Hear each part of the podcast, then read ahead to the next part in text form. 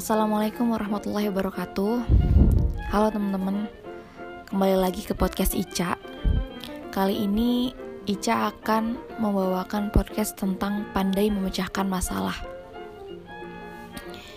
Uh, Lagi-lagi sesuai di episode pertama banget Yang pertama kali masuk ke podcast ini adalah Bedah buku.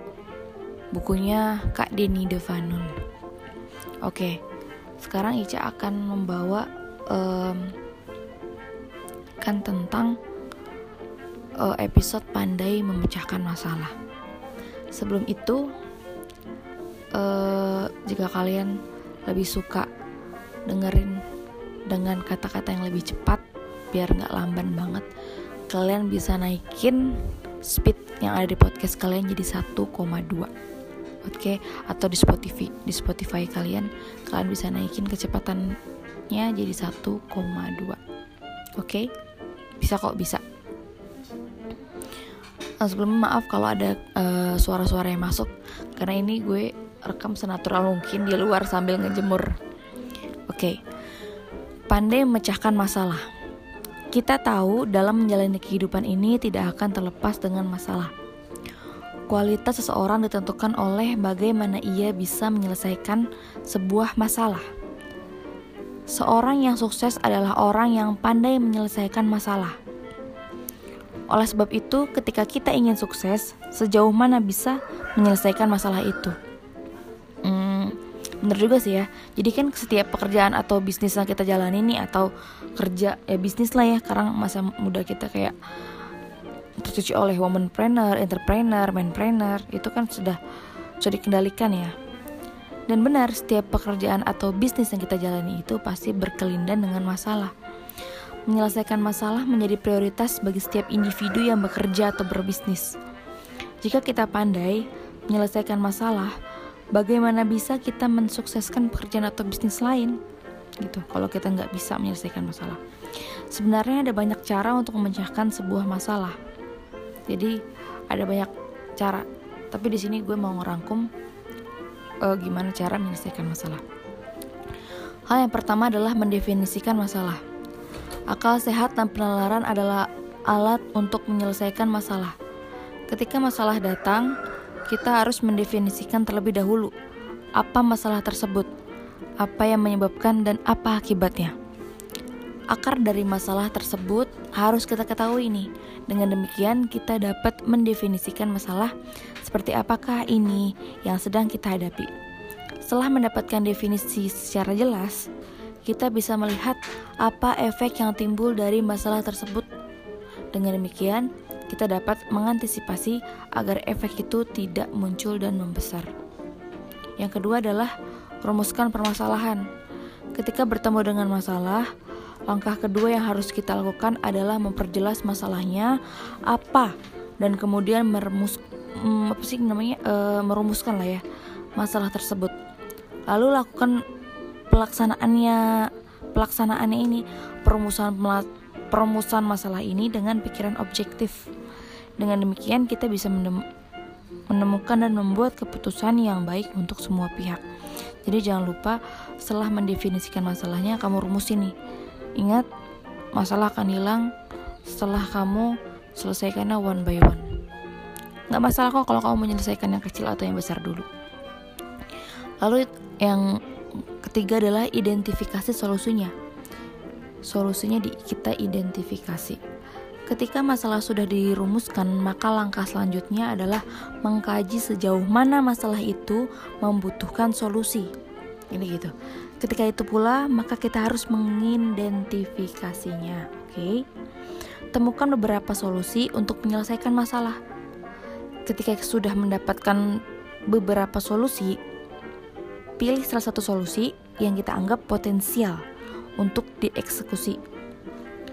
Solusi dianggap potensial jika memenuhi syarat yaitu mudah dilaksanain sama kita terus efektif juga buat kita efisien dari dari segi waktu juga dan biaya dan tidak memiliki dampak buruk jadi apa pun masalahnya ayo kita identifikasi bareng efektif mungkin, seefisien mungkin. Kalau yang berbisnis, seefisien mungkin dari segi waktu atau yang sedang berkarya, ya udah kita eksekusi dengan efektif.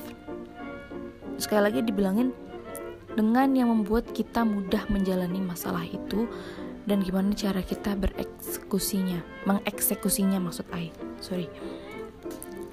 Lalu yang keempat adalah eksekusi. Sebuah solusi yang memenuhi syarat bisa langsung dieksekusi sekarang juga sebenarnya. Tentu saja, ketika kita memiliki masalah dan sudah yakin dengan solusinya, maka segera lakukan eksekusinya. Tidak perlu buang waktu, biaya, dan tenaga pastikan kita mengeksekusinya dalam tegas, dengan tegas, sesuai dengan apa yang kita mau eksekusi itu ya teman-teman. Semakin cepat menyelesaikan masalah, maka menurut aku semakin baik juga kita dalam menghadapi masalah lain. Karena nggak mungkin kan masalah akan stop di situ. Mungkin ada masalah lagi. Kalian tahu lah ya, orang sukses akan menyelesaikan masalah dengan baik dan akan menemukan masalah-masalah selanjutnya.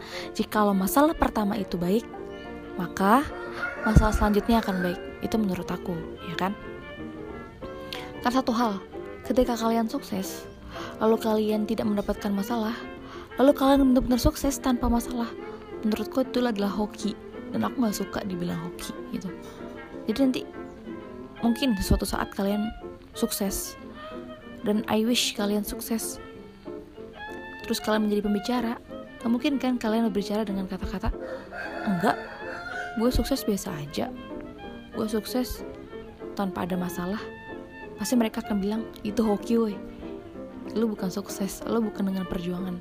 Karena kalau kalian lihat influencer-influencer entrepreneur-entrepreneur pasti mereka menceritakan dari titik baliknya dari kesusahannya dari kesulitannya, dari masalahnya, dari efisien waktunya, dari konsekuensi waktunya, dari eksekusi untuk perubahan masalahnya dari buruk ke baik, gitu kan? Oke, yang kelima adalah bertanggung jawab. Setelah solusi uh, setelah itu kan bertanggung jawab nih. Setelah solusi dijalankan, maka saatnya kita mempertanggungjawabkan atau eksekusi itu atas eksekusi itu, jika eksekusi berhasil mengatasi masalah, maka kita akan mendapatkan kesuksesan apa yang kita mau. Dan kita akan menuju pintu gerbang yang, oh iya, yes, I can do this, I can do it. Gitu. Namun jika eksekusi tidak berhasil mengatasi masalah, maka segera ambil solusi lain dan segera eksekusi sehingga sehingga masa itu tidak berlarut-larut jadi jangan masalah. Jadi jangan dipermasalahkan jika misalnya eksekusinya nggak berhasil. Kau masih punya seribu cara menuju Roma. Masih punya seribu cara untuk menyelesaikan masalah. Komputer aja bisa kok. Cari masalah. Google deh. Nyari masalah tentang misalnya aku ingin mencari waktu aku aku ingin mencari kepintaran Albert Einstein. Tapi Google nggak ngerti apa yang kita maksud example. Dia pasti nyari yang lain. Ya kan? Karena kita ngelihat kan kita nyarinya ini tapi keluar ini. Tapi tetap di nuansa yang sama. Tetap materi yang sama. Lah kalau komputer bisa apakah berotak kita yang diciptakan oleh Tuhan oleh Allah sebaik mungkin? Ya nggak sih? Jangan patah semangat. Oke? Okay? menyelesaikan masalah itu bukan hanya membahasnya ya. Dan mendapat solusi untuk mengatasinya akan tetapi bagaimana kita mengeksekusi solusi itu dan mempertanggungjawabkan tingkat keberhasilan? Ulang ulang ulang ulang ya. Coba aku menata kata-kata dulu. Hmm, oke. Okay. menyelesaikan masalah bukan hanya membahasnya dan mendapat solusi untuk mengatasinya. Akan tetapi bagaimana kita mengeksekusi solusi itu dan mempertanggungjawabkan tingkat keberhasilan eksekusi dengan kepandaian semacam ini, maka kita akan lebih mudah mendapatkan kesuksesan kita dan mimpi kita. Itu artinya kita harus membekali diri kita sendiri dengan kemampuan dan memecahkan masalah. Oke teman-teman, episode kali ini tentang memecahkan masalah. I think sampai situ. I think enough uh, until here. Thank you for listen it my podcast on Spotify. Semoga bermanfaat. Kalau dirasa bermanfaat kalian bisa berbincang dengan teman-teman kalian dengan materi ini atau bisa di-share dengan teman-teman lain. Thank you. Wassalamualaikum warahmatullahi wabarakatuh. Jangan lupa untuk menjadi selalu muslimah cerdas. Thank you